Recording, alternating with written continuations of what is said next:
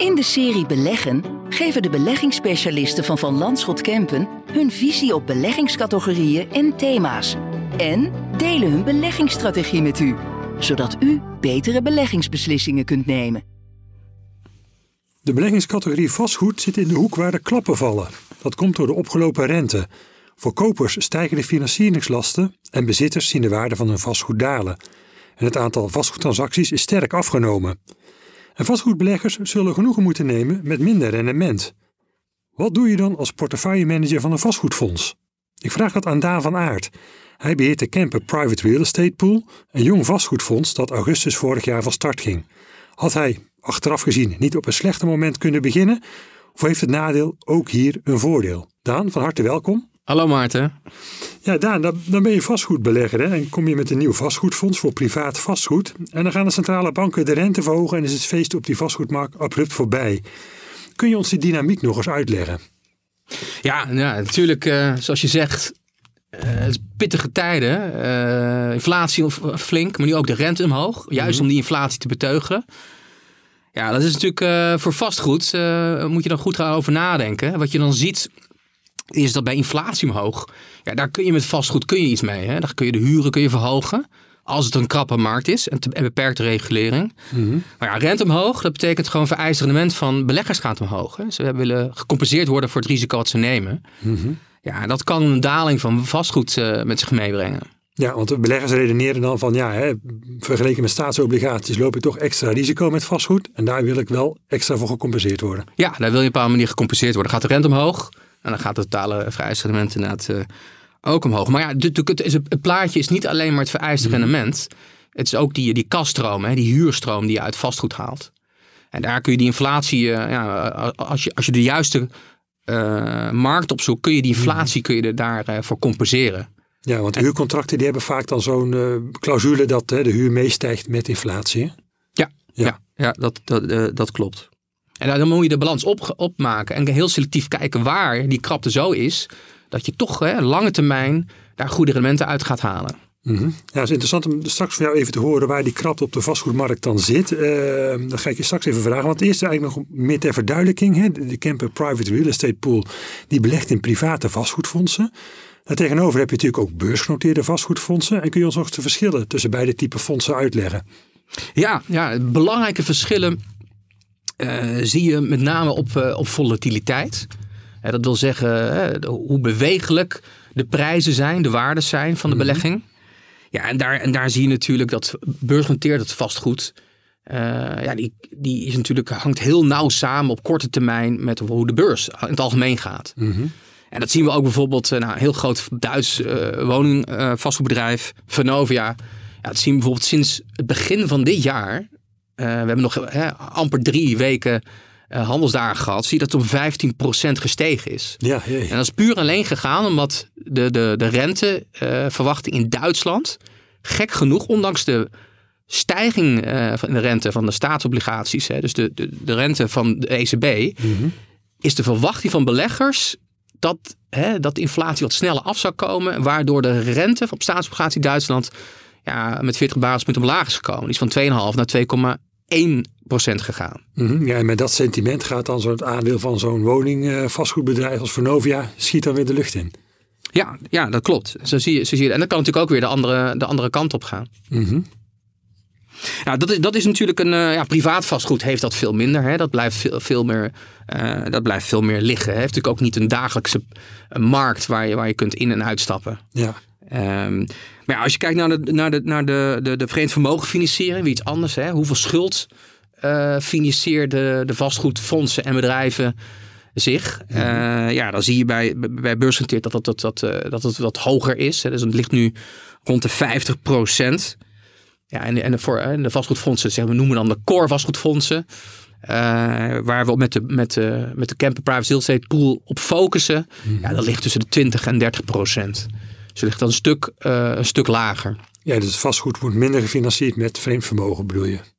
Ja, ja Mhm, iets met ja. minder vreemd vermogen. En ja, een dalende markt natuurlijk, waar we nu wel last van hebben. Uh, ja, dan krijg je het minder, uh, minder sterk om je, ja, om je oren als je natuurlijk minder uh, schuldfinanciering hebt. Ja, en met die stegen rente ja, neem je natuurlijk ook je rentelasten weer toe. Zo werkt ja, dat ook. Ja, ja. En werkt ook, zo werkt het ook weer natuurlijk. Dat klopt helemaal. Ja, en, wat iedereen natuurlijk ook belangrijk vindt, wat doet het nou met prijzen? Mm En we zien, uh, hè, dat is natuurlijk ook een factorverschil hoe, uh, de, hoe de prijs ontstaat, maar vooral ook hoe, hoe is nu de pricing. En, en beursnoteerd zie je eigenlijk dat op de huidige uh, koers dat er geen, geen premie en geen korting meer is. Dat grofweg ja, is, is dat neutraal. Dus de, de, het heeft twee effecten gehad. beurskoersen zijn gestegen, aan de ene kant, maar aan de andere kant is ook de rente is, wat, is iets gestegen. Mhm. En waardoor eigenlijk de waarde, wat wij vinden dat het een verre waarde is, dat de beurskoers zich daaraan aangepast heeft feitelijk. Ja. Um, ja, als je dan, hè, maar het is natuurlijk nog wel zo dat die waarde een korting is, of hoe zeg je het, een, een, een, lagere marktprijs is dan als je de boekwaarde, taxatiewaarde krijgt van die, van die fondsen. En dat scheelt, gemiddeld genomen is dat wel 30 procent. Mhm. Maar als je kijkt naar niche-categorieën, ja, dan zie je, zie je daar maar ja, zie je rond de 5% maximaal uh, waar je ook kunt instappen. Ja, en niche-categorieën zijn? Nou, bijvoorbeeld logistiek en, uh, en zorgvastgoed. Mm uh, dus als we naar de, naar de, private kant heb je geen marktprijs, heb je alleen maar de taxatiewaarde. ja, daar, daar zien we dus ook, ook dat die taxatiewaarden aan onze kant afgekomen zijn. En afgelopen kwartaal ligt dat tot echt wel afhankelijk waar je zit tussen de 5 en 10 procent omlaag gekomen. Nou, dat, hè, dus daar, daar is die markt ook al, hè, de private markt ook al behoorlijk aan het corrigeren. Ja, maar zou je kunnen zeggen, die loopt iets achter op die beursgenoteerde markt? Ja, die loopt, die loopt net, uh, net iets achter. Hoewel je met die niche-categorieën, waar we ook met de pool focussen, ja, dat daar, hè, dat, dat daar uh, ja, heel beperkte uh, kortingen op de boekwaarde nog aanwezig zijn. En uh, ja, maakt het dan ook nog uit, hè? als je dan over die, die beide categorieën hebt, je van beleggingsmogelijkheden, ben ik ook wel benieuwd naar. Ik kan zeggen dat beursgenoteerd vastgoed misschien in andere type vastgoed belegt dan privaat. Maakt dat nog wat uit? Ja, dat is een interessant punt. Hè? Dus feitelijk, wij denken zelf, ja, als je, als je het zou combineren, is, is, zijn er nog veel meer mogelijkheden. Mm -hmm. Maar ook los van elkaar hè, heeft, heeft uh, ja, bijvoorbeeld zijn er markten die je veel beter uh, in beursgenoteerd kunt, kunt beleggen en, en andere weer in, in privaat. Nou, bijvoorbeeld als je in woningen zou willen beleggen in Duitsland, mm -hmm. ja, dan kan dat uh, op, op schaal kan dat. En uh, waar heel veel keuzemogelijkheden zijn in, in Duitsland, in, in de beursgenoteerde kant. Mm -hmm. Maar in Nederland bijvoorbeeld heb je dat weer helemaal niet. Hè? Dan, dan kun je het alleen maar privaat uh, kun je beleggen. Ja, ja, voor, je bedoelt even, sorry, dat je eigenlijk in Nederland geen beursgenoteerde vastgoedfondsen hebben die ja, precies. specifiek ja. op woningen gericht zijn. Ja, die heb in je niet. Duitsland wel. Ja, ja. ja, ja die, die, precies. En um, ja, dan heb je ook nog bijvoorbeeld in de logistieke sector. Als je bijvoorbeeld alleen maar Verenigd Koninkrijk zou willen beleggen of in de Benelux. Ja, dan heb je hele interessante uh, beursgenoteerde proposities. Mm -hmm. Maar wil je echt pan-Europees met een goede spreiding over uh, diverse Europese landen. Ja, dan zijn er meer mogelijkheden in de private kant. Ja, ah, dus zo zie je toch wel eigenlijk dat die type fondsen toch, ja, wel weer toch een eigen soort vastgoed hebben. Waarin ze meer vertegenwoordigd zijn. Ja, klopt. Ja. Nou zegt uh, Van Landschot Kemp ook in zijn beleggingsvisie, hè, van we kijken op dit moment neutraal naar beursgenoteerd vastgoed. Hè, we hebben er geen directe positie in. Uh, ze zien ook al dat natuurlijk de, de waardering van genoteerd vastgoed is gedaald, waardoor de categorie in ieder geval niet langer als duur wordt gezien. Maar er zijn natuurlijk nog onzekerheden over economische groei. Hè, natuurlijk de oplopende rentes, zoals je ook al zei, hebben flink impact gehad op de koersen van beursgenoteerd vastgoed. En ze, Frans Kempen zegt dan van ja, zodra de rentedruk afneemt, kan beursgenoteerd vastgoed herstellen. Alleen nu is het eigenlijk nog daar te vroeg. Ze zien nog niet die centrale banken die draai maken. Nou, dat is eigenlijk die visie op, op beursgenoteerd vastgoed. Als we dat nou eens vertalen naar privaat vastgoed, hoe, hoe is de stand van zaken dan? Om eerst maar te beginnen met de waardering. Ja, dus net al een beetje waar we het over gehad hebben. Hè. Het is gewoon een lastige markt. En je ziet transacties komen naar beneden. En je ziet nu ook dat taxaties aan het dalen zijn. Um, ja, en dat zien we bijvoorbeeld, hè, wat ik net zei, tussen 5 en 10 procent zien we dit ook al. Uh, die waarden, zeg maar, die taxatiewaarden al gedaald zijn. Mm -hmm. uh, en die, ook aan de pri uh, private kant. Ja, en is het dan ook voor privaat vastgoed nog te vroeg op dit moment om weer te gaan beleggen? Ja, kijk, wat, hoe wij het zien is dat het is altijd een, een, een uitdaging natuurlijk om de markt perfect te timen. En dat, dat is ook niet ons doel. Maar wij willen juist, uh, je weet nooit precies wanneer de, de, de bodem is en wanneer de, de piek is. ja. Maar je weet wel waar je ongeveer zit. Waar je ongeveer zit. En wij denken nu, uh, met die behoorlijke daling die al geweest is, afgelopen twee kwartalen in, uh, in de taxatiewaarde aan de private kant. Ja, er gaan nu dus weer hele aantrekkelijke kansen ontstaan waar we van kunnen gaan profiteren. Een van de dingen die we voor de, bijvoorbeeld de Camp Private Real Estate Pool gaan doen, is dat we dit kwartaal stappen we in in een, een logistiek fonds. Ja, daar is al een behoorlijk stuk, uh, bijna 10% van afgekomen. Ja. Nou, daar kunnen we, hè, daar, daar, waar we denken van een lange termijn, gaan we daar juist gaan we daarvan profiteren. En ook dat fonds met zeg maar het geld wat wij erin leggen, koopt nu transacties aan die ze, die ze een stuk lager, stuk aantrekkelijker inkopen, juist op de, in deze markt. Ja, klinkt een beetje als kopen op, op de bodem. Wat je natuurlijk dan het liefst zou doen. Dat is dat een beetje, hoe zeg dat? we zijn altijd heel voorzichtig wat we zeggen, maar we ja. denken dat nu echt aantrekkelijke kansen ontstaan. Ja. Waar we van kunnen profiteren. Nou ja, en, en, en misschien nog even uit die kansen om ook een beetje qua beeldvorming. Hè? Dus we zien dat transactiewaarde gaan omlaag en de taxaties. In die fondsen waarin wij beleggen, mm -hmm. daar zien we ook secundaire transacties uh, ontstaan. Waar je tegen, ja, tegen kortingen kunt kopen. En met name zien we dat nog het Verenigd Koninkrijk. In pan-Europees zien we dat ook ontstaan. Waar je echt een kortingen uh, nog op die zeg maar lage taxatiewaarde. Ja, waar je tussen 10 en, en 30 procent uh, kortingen kunt gaan krijgen. Ja, want die secundaire transactie, die secundaire markt die je bedoelt, dat is die markt eigenlijk waar je vastgoedbeleggingen van andere beleggers overneemt. Ja, hè? In ja, plaats van dat je rechtstreeks ja, een directe belegging neemt. Ja, dus je, er komen geen nieuwe aandelen, maar bestaande aandelen neem je over ja. tegen een aantrekkelijke uh, prijs. Oké, okay, en daar zie je dus wel op die secundaire markt, ja, komen nog transacties. Ja, dan zien we echt transacties. Natuurlijk zijn er ook uh, uh, bepaalde transacties waar je dus niet in wil stappen. Mm -hmm. Omdat het gewoon, uh, waar we sowieso lange termijn niet in hadden willen zitten. Maar er zijn natuurlijk ook kansen beginnen zich voor te doen waar dat wel het geval is. Ja. En ja, dan was er ook eigenlijk een padstelling op die vastgoedmarkt. Hè? Want investeerders die wilden eigenlijk niet langer de hoofdprijs betalen. Omdat financiering voor hen ineens een stuk duurder geworden is. Vanwege die hogere rente. Maar tegelijkertijd wilden verkopende partijen hun prijzen nog niet verlagen. Wat is daar nu de stand van zaken? Ja, in het algemeen, een vastgoedmarkt is altijd in beweging. En zeker nu is die markt uh, enorm in, uh, in beweging. Mm -hmm. Dat er nu wat minder transacties zijn, vinden wij juist uh, een goed teken. Wij, wij zoeken juist de, kansen in de markt. En daar hoeven niet zo heel veel transacties te zijn of, heel, of zeg maar, mogelijkheden om in vastgoedfondsen te, te zijn, om daarvan te profiteren. Dus we zitten nu echt letterlijk op het puntje van ons stoel. Uh, om klaar te staan, om, om, uh, om toe te slaan. Ja, als die ja, voordelige transacties, gunstige transacties zich voordoen. Um, nou, ook wel interessant om met jou een aantal vastgoedcategorieën langs te lopen. Hè? Je hebt natuurlijk woningen, kantoren, winkels, logistieke centra. Ben ik ook wel benieuwd wat jouw visie eigenlijk is. Hè? En, en of je daar dan bijvoorbeeld die krapte ziet waar je eerder over sprak. Hè? Zeggen van ja, je zoekt nu die vastgoedsegmenten op waar krapte heerst. Waardoor ja. die huren nog ja. omhoog kunnen. Ja. Uh, om even met woningen te beginnen. Nou, goed, ja, in Nederland heb je natuurlijk momenteel de nodige overheidsmaatregelen. Hè, om starters op de woningmarkt een kans te geven. Ja, voor woningbeleggers is de overdrachtsbelasting al omhoog gegaan. Uh, ja, gemeenten mogen zich ook tegen particuliere beleggers uh, verweren met een opkoopbescherming. Hè, en, ze kunnen ook een zelfbewoningsplicht voor nieuwbouw uh, instellen. Natuurlijk, minister Hugo de Jonge van Volkshuisvesting komt met allerlei regels hè, om die markt te reguleren. Ja, wat zie je daar voor mogelijkheden op die markt? in eerste instantie, structureel geloven wij in de Europese woningmarkt. Uh, er is gewoon nog steeds veel vraag door de urbanisatietrend.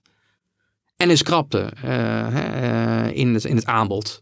Ja, in Nederland specifiek, hè, door alle maatregelen die nu getroffen worden, zul je dus die, de aanbodkant uh, niet uh, versneld zie, hè, zien worden. Mm -hmm. Het wordt eigenlijk moeilijker om te bouwen. Door, het is duurder, het is, het is lastiger om een, een, een, een vastgoedtransactie rond te breien. Met alle restricties die er nu zijn. Die onder andere Hugo de Jong heeft aangebracht.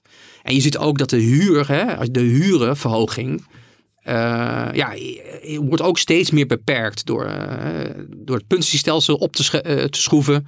Nou, waarschijnlijk 1000 euro per vierkante meter, of per, per, um, uh, per appartement per, per maand. Mm -hmm. hè, zodat, zodat, je dus niet, um, hè, voordat je in de vrije sector komt.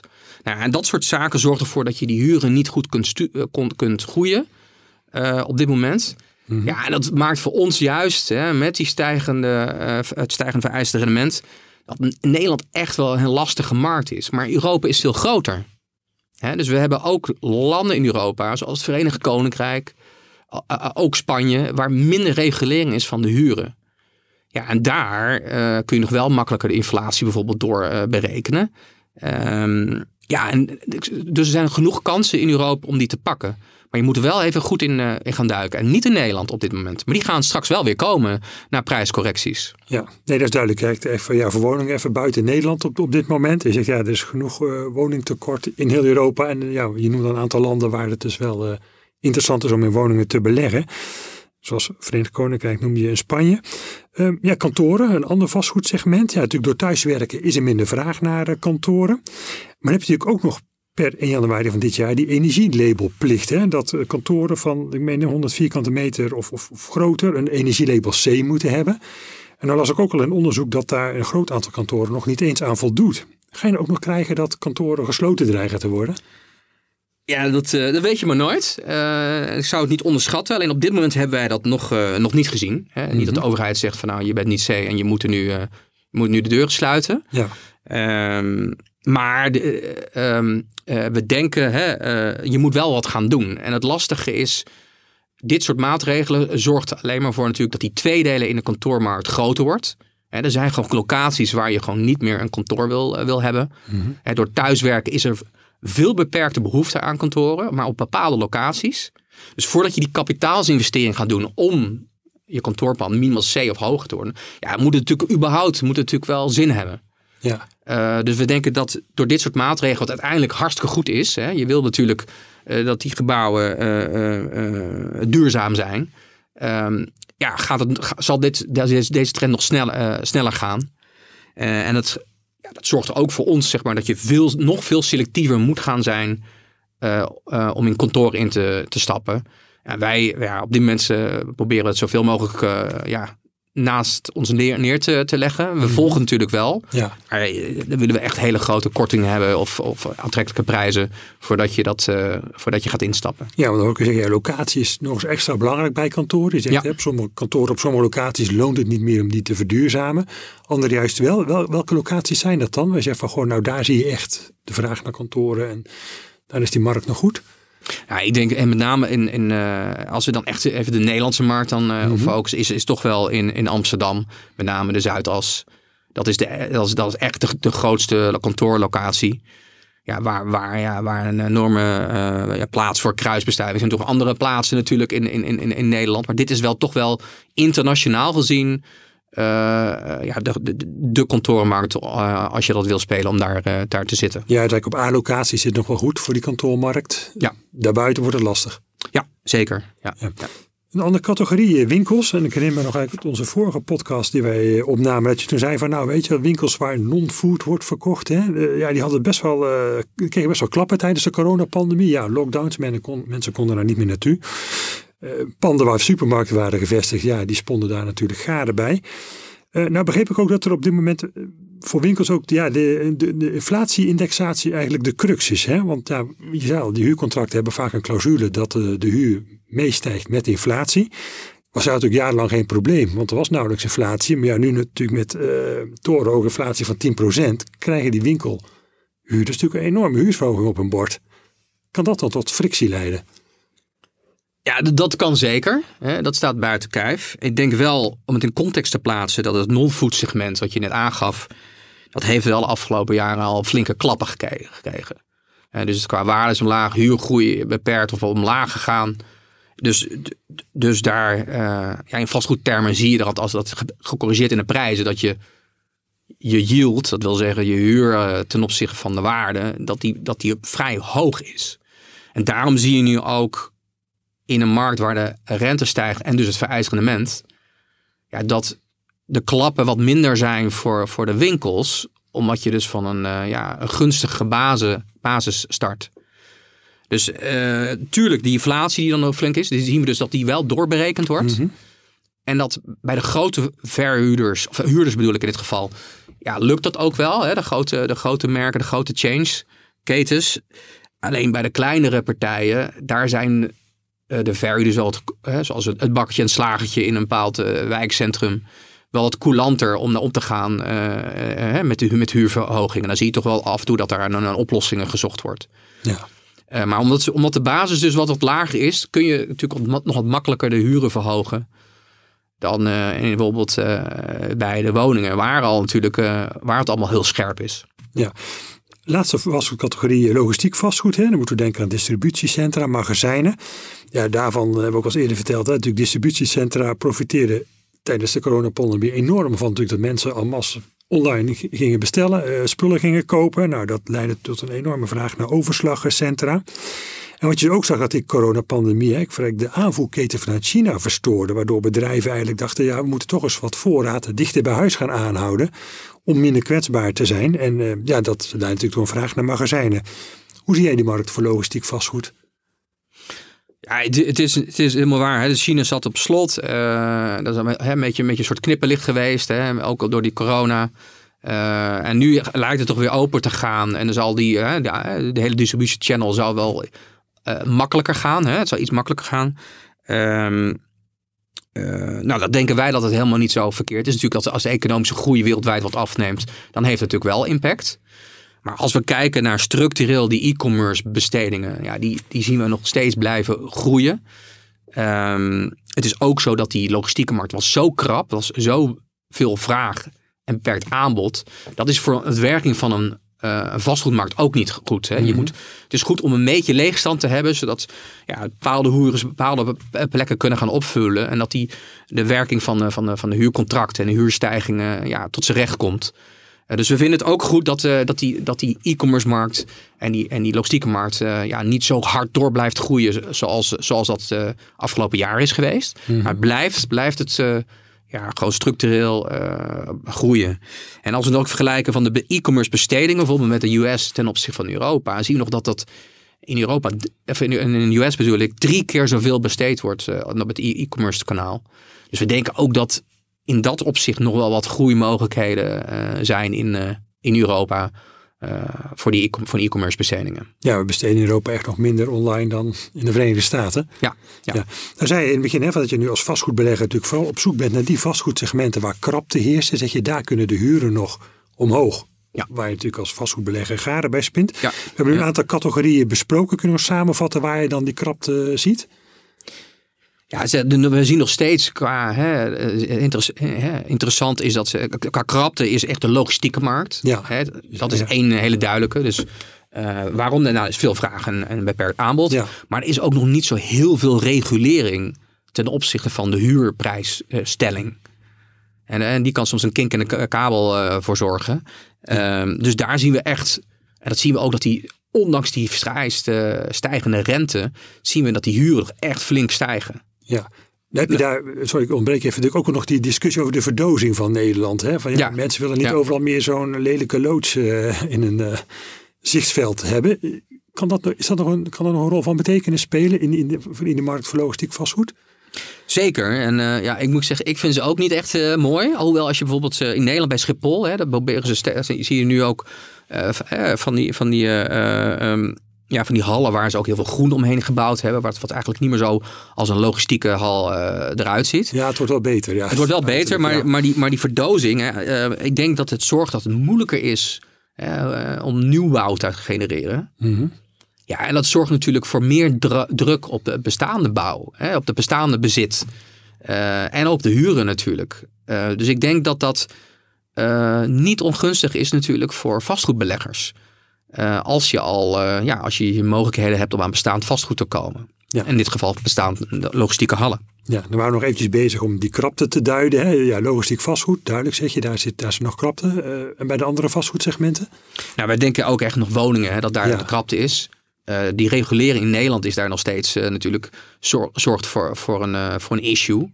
Maar lange termijn ja, is het zo dat daar steeds meer vragen en per aanbod dat het aantrekkelijk kan zijn na een prijscorrectie in, in Nederland. Maar in de andere markten in Europa, zoals ik net zei, bijvoorbeeld Verenigd Koninkrijk, daar is minder regulering. Ja, daar kun je dus nog meer profiteren van die krapte in, in door, door de huurgroei. Op kortere termijn ook. Ja, natuurlijk een heel ander probleem waar die vastgoedmarkt ook mee te maken krijgt. Hè. Natuurlijk, los van de kosten van financiering zijn gestegen en voor bouwmaterialen, is natuurlijk ook de stikstofcrisis. Ja, die ja. nieuwbouw tegenhoudt. Ja. En die problemen lijken me voorlopig nog niet voorbij. Nee, nee. En ehm, ja, dat houdt natuurlijk, dat houdt gewoon die bouwen nog meer tegen. Ehm, ja, en dat, ja, dat kan juist weer eh, hè, eh, nou, voor, voor aantrekkelijke sectoren, zoals met logistiek, eh, ja, dat, nou, dat zorgt nog meer druk op de markt. Nou, bijvoorbeeld kantoormarkten zorgt erom dat die van niet veel kantoorgebouwen gebouwen snel daarbij gaan komen. Ehm, ja, en bijvoorbeeld in die kantoormarkt denken we dat ja, dat zorgt een bepaalde vloer juist in die markt.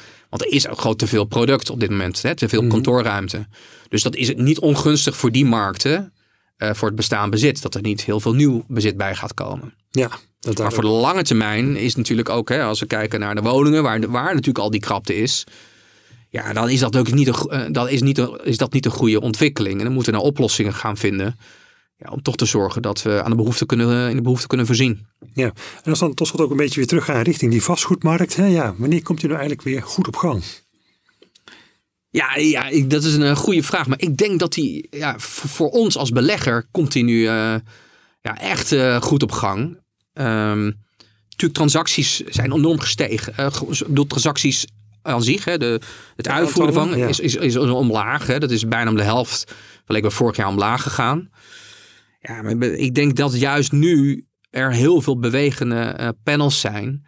Waar je verschillende schaakborden waar je op moet kunnen, kunnen spelen. En eh, ja, daarom denk ik juist dat het nu gebeurt. Al zie je het niet altijd in dat er heel veel transacties gebeuren. Ehm, maar, dit gezegd hebbende, is het natuurlijk wel zo dat heel veel partijen die vastgoed hebben en die van plan waren om te verkopen, en die zien ook wel in, oh, nou die rente die, die gaat voorlopig niet, eh, waarschijnlijk toch niet omlaag. Misschien gaat die nog wel omhoog. Ja, dan wordt het nog minder waard. Dus eh, sommigen gaan nu denken, nou, ik kan best wel tegen een korting gaan verkopen. Want dan, eh, ja, dan heb ik toch mijn transactie gedaan en dan kan ik verder. Ja, En dat besef gaat, begint nu echt wel in te dalen. En daar kunnen we juist van profiteren. ja dat er zo'n soort van kantelpunt komt. Kun je nou uiteindelijk misschien wel concluderen, Daan, dat, er een, ja, dat het een blessing in disguise is. En geluk bij een ongeluk dat je nog een jong vastgoedfonds beheert, hè, waarvan je de portefeuille eigenlijk nog moet opbouwen. En dat je nu heel selectief en gericht je beleggingen kunt kiezen. Ja, het korte antwoord is eh, ja, ik denk het zeer zeker. Dat dit nu de kansen zijn die we kunnen pakken. En eh, als je kijkt naar cyclus, we hebben een hele lange eh, upcycle gekend. En nu is de markt behoorlijk afgekomen. En om nu te gaan beleggen in, in, producten, in sectoren, in vastgoed, voor de lange termijn die we aantrekkelijk vinden, ja, dat, dat zijn nu de komende jaren om dan je portefeuille op te bouwen. Ik denk dat dat een eh, heel aantrekkelijke positie is. En daar heb je natuurlijk wel geld voor nodig. En we hebben dry Ja. powder in ons, eh, in ons fonds om dat te gaan doen. Ja, en met dry powder bedoel je ja, kruid wat je nog kunt verschieten. Je hebt geld om meteen te kunnen beleggen. Ja, ja dat, dat hebben we. Graag zien dat nog verder groeien natuurlijk. Maar we hebben dat, eh, dat, dat, eh, die geld om nu te gaan beleggen. Dank je Daan voor jouw eh, verhaal. Je maakt interessante nuances en relativeringen bij de vastgoedmarkt, waarbij je vooral naar vastgoed in heel Europa kijkt. En waarbij je zich wel degelijk beleggingsmogelijkheden voordoen, maar je moet selectief zijn. Je richt je met de Camper Private Real Estate Pool met name op logistiek, vastgoed en woningen. En bent voorzichtig met winkels en kantoren. Dit was Beleggen, een serie binnen de podcast van Van Landschot Kempen. Wilt u op de hoogte blijven van de laatste beleggingsmogelijkheden? Abonneer u dan op dit kanaal.